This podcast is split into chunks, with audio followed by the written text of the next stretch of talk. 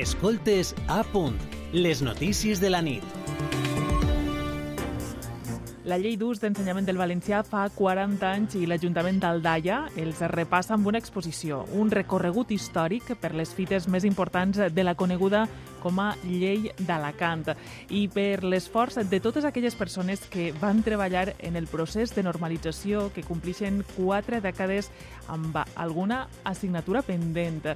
Les repassem avui en les notícies de la nit amb dos de les persones que comissarien la mostra. Eh, són Anna Marí i Vicent Moreno. Bona nit. Hola, bona, bona nit. Anna, comencem per tu. En la mostra trobem cartells, fotografies, llibres, alguns inèdits, que mostren l'evolució d'esta llei, que va suposar la recuperació de la llengua valenciana, el seu impacte en l'ús social i la introducció al sistema educatiu. Quin balanç en podem fer de la norma 40 anys després? Doncs un, un balanç, per una part, molt positiu, perquè gràcies a la llei s'ha permès que ja unes bastants generacions hagin pogut aprendre el valencià no sols com a àrea, que era el primer objectiu que es va fixar quan es va aprovar la llei, sinó també com a llengua vehicular de l'ensenyament. I no sols famílies valencianoparlants, sinó també famílies castellanoparlants, mm -hmm. que pel desig que els seus fills i filles s'escolaritzaren en aquests programes que comptaven amb metodologies pròpies per a ensenyament de segones llengües, com és el d'immersió, doncs van aconseguir resultats molt òptims en totes les llengües. Aleshores, això ha anat evolucionant. És veritat que amb els anys s'ha hagut d'introduir una nova llengua atenent les recomanacions del marc europeu, però el balanç fins ara eh, era positiu, queden coses a millorar, és clar, sobretot ara amb el tema del plurilingüisme i, i el balanç el podrem tornar a comentar en un temps després que este nou govern faci aquests canvis previsibles que volen fer en quant a la modificació de la llei de plurilingüisme. Per tant, repreguntaria, no? Quina és la salut d'esta norma a, a hores d'ara? Quines són les assignatures pendents que comentàvem a l'inici, que, que mm. podríem dir que, doncs això, no? que té pendents la llei d'ús d'ensenyament? En aquest cas li mm. pregunto a Vicent. Anna ho ha dit, no? Són 40 anys de, de vigència d'una llei importantíssima. Una llei, la primera llei que, que regulava l'ensenyament i l'ús del valencià en aquest país. I això està donant uns fruits, està donant els fruits que després de 40 anys, en aquest moment, la majoria de la població valenciana està alfabetitzada, cosa que era inaudita. Fa 40 anys no sabíem ningú llegir i escriure en valencià. Mm -hmm. Avui, afortunadament, totes les persones que tenen 40, 40 i algo d'anys han estat alfabetitzades, llevat algunes que, que no han volgut, i ho dic així perquè els actuals responsables de, de la Generalitat, des del president al conseller d'Educació, estan fomentant que hi ha gent que no vulgui saber valencià una cosa també inaudita, no? Però fent aquest balanç és extraordinàriament positiu i sí, clar que queden coses per fer. En 40 anys d'aplicació de la llei, pues encara, encara n'hi ha un àmbit que pràcticament no s'ha tocat, que és l'àmbit de l'economia, l'àmbit privat. Fa falta que, que el món de l'economia, el món de, del dia a dia de, de la societat valenciana comença a utilitzar el valencià en les seves activitats professionals, mercantils i, i de treball. I jo crec que això és el gran repte del futur. Mm, fem la, la vista enrere, perquè caldria entendre no? eh, quin era el context en el que va eixir esta, esta llei d'ús i ensenyament del valencià, com era la societat de, del 1900, la societat valenciana del 1983, què és el que passava amb la llengua, així a grans trets, Anna?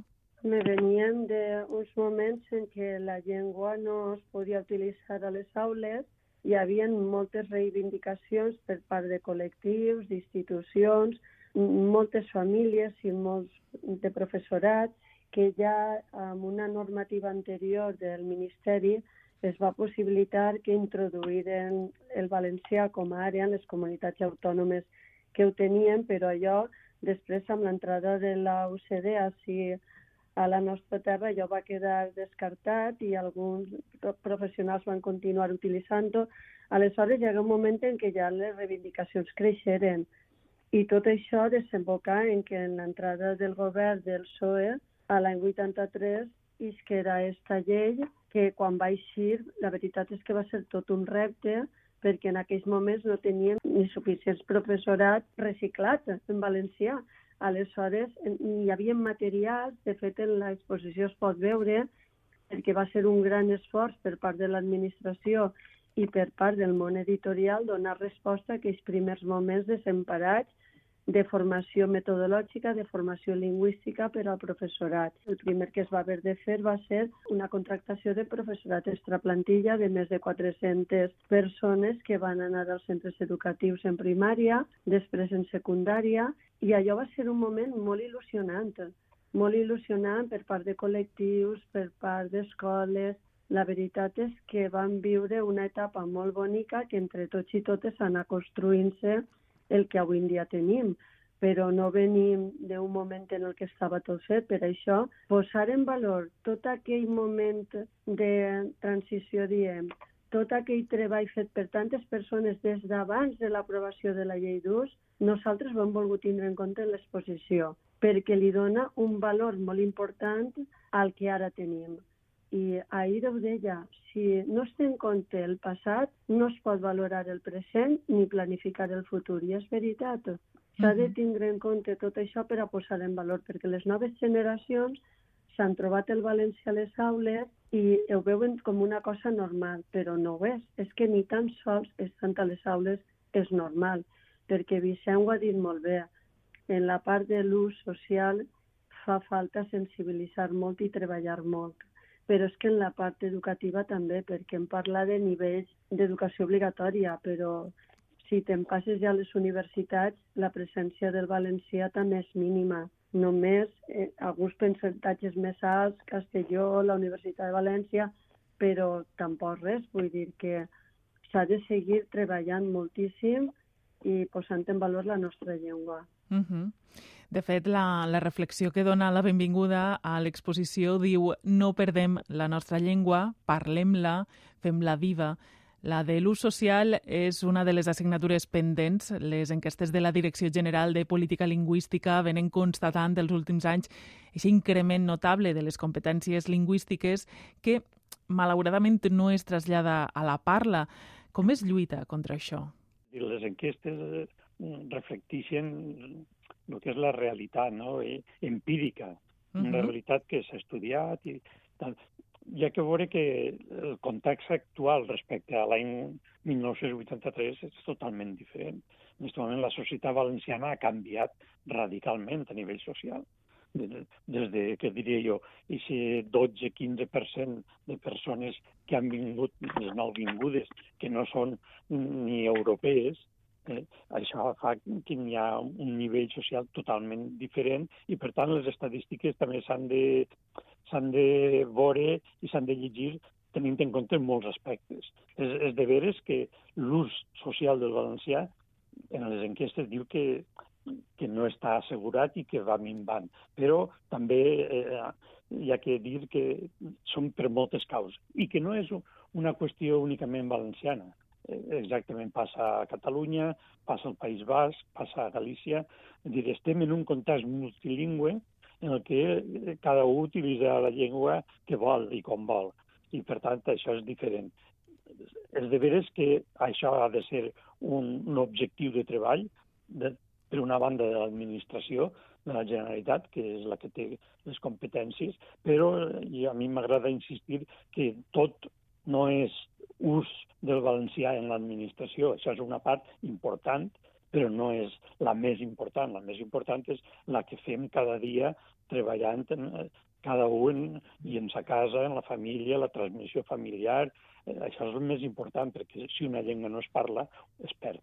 I, per tant, eh, la lluita i l'objectiu per al futur ha de ser aconseguir que aquesta llengua que ja sabem, ara l'hem d'usar i hem de trobar-li sentit a usar-la per un costat a nivell històric i perquè és la llengua d'ací i tal, i per l'altre perquè ha de ser una llengua útil.